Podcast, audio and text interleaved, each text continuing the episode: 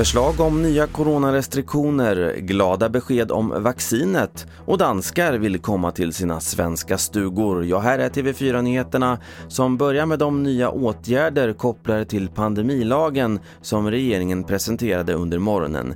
Nu förbereds nämligen möjliga nedstängningar av flera verksamheter för att undvika en tredje smittvåg och så här sa socialminister Lena Hallengren på en presskonferens. Verksamheter som omfattas är då samtliga handelsplatser, köpcenter, varuhus, gallerier och butiker.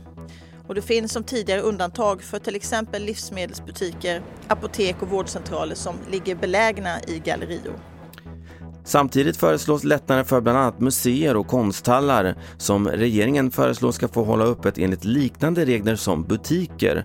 Förslaget inkluderar även en möjlighet till att öka antalet personer vid allmänna sammankomster där risk för smittspridning anses vara lägre. Och vad gäller vaccinet så får EU ytterligare 200 miljoner doser av covid-19-vaccinet från läkemedelsbolagen Pfizer och Biontech. Det meddelade Biontech i ett pressmeddelande som släpptes idag. Vi avslutar med att danska fritidshusägare vill ha undantag från inreseförbudet i Sverige som gäller från december på grund av den brittiska muterade varianten av coronaviruset. Anledningen är att de vill kunna titta till sina stugor.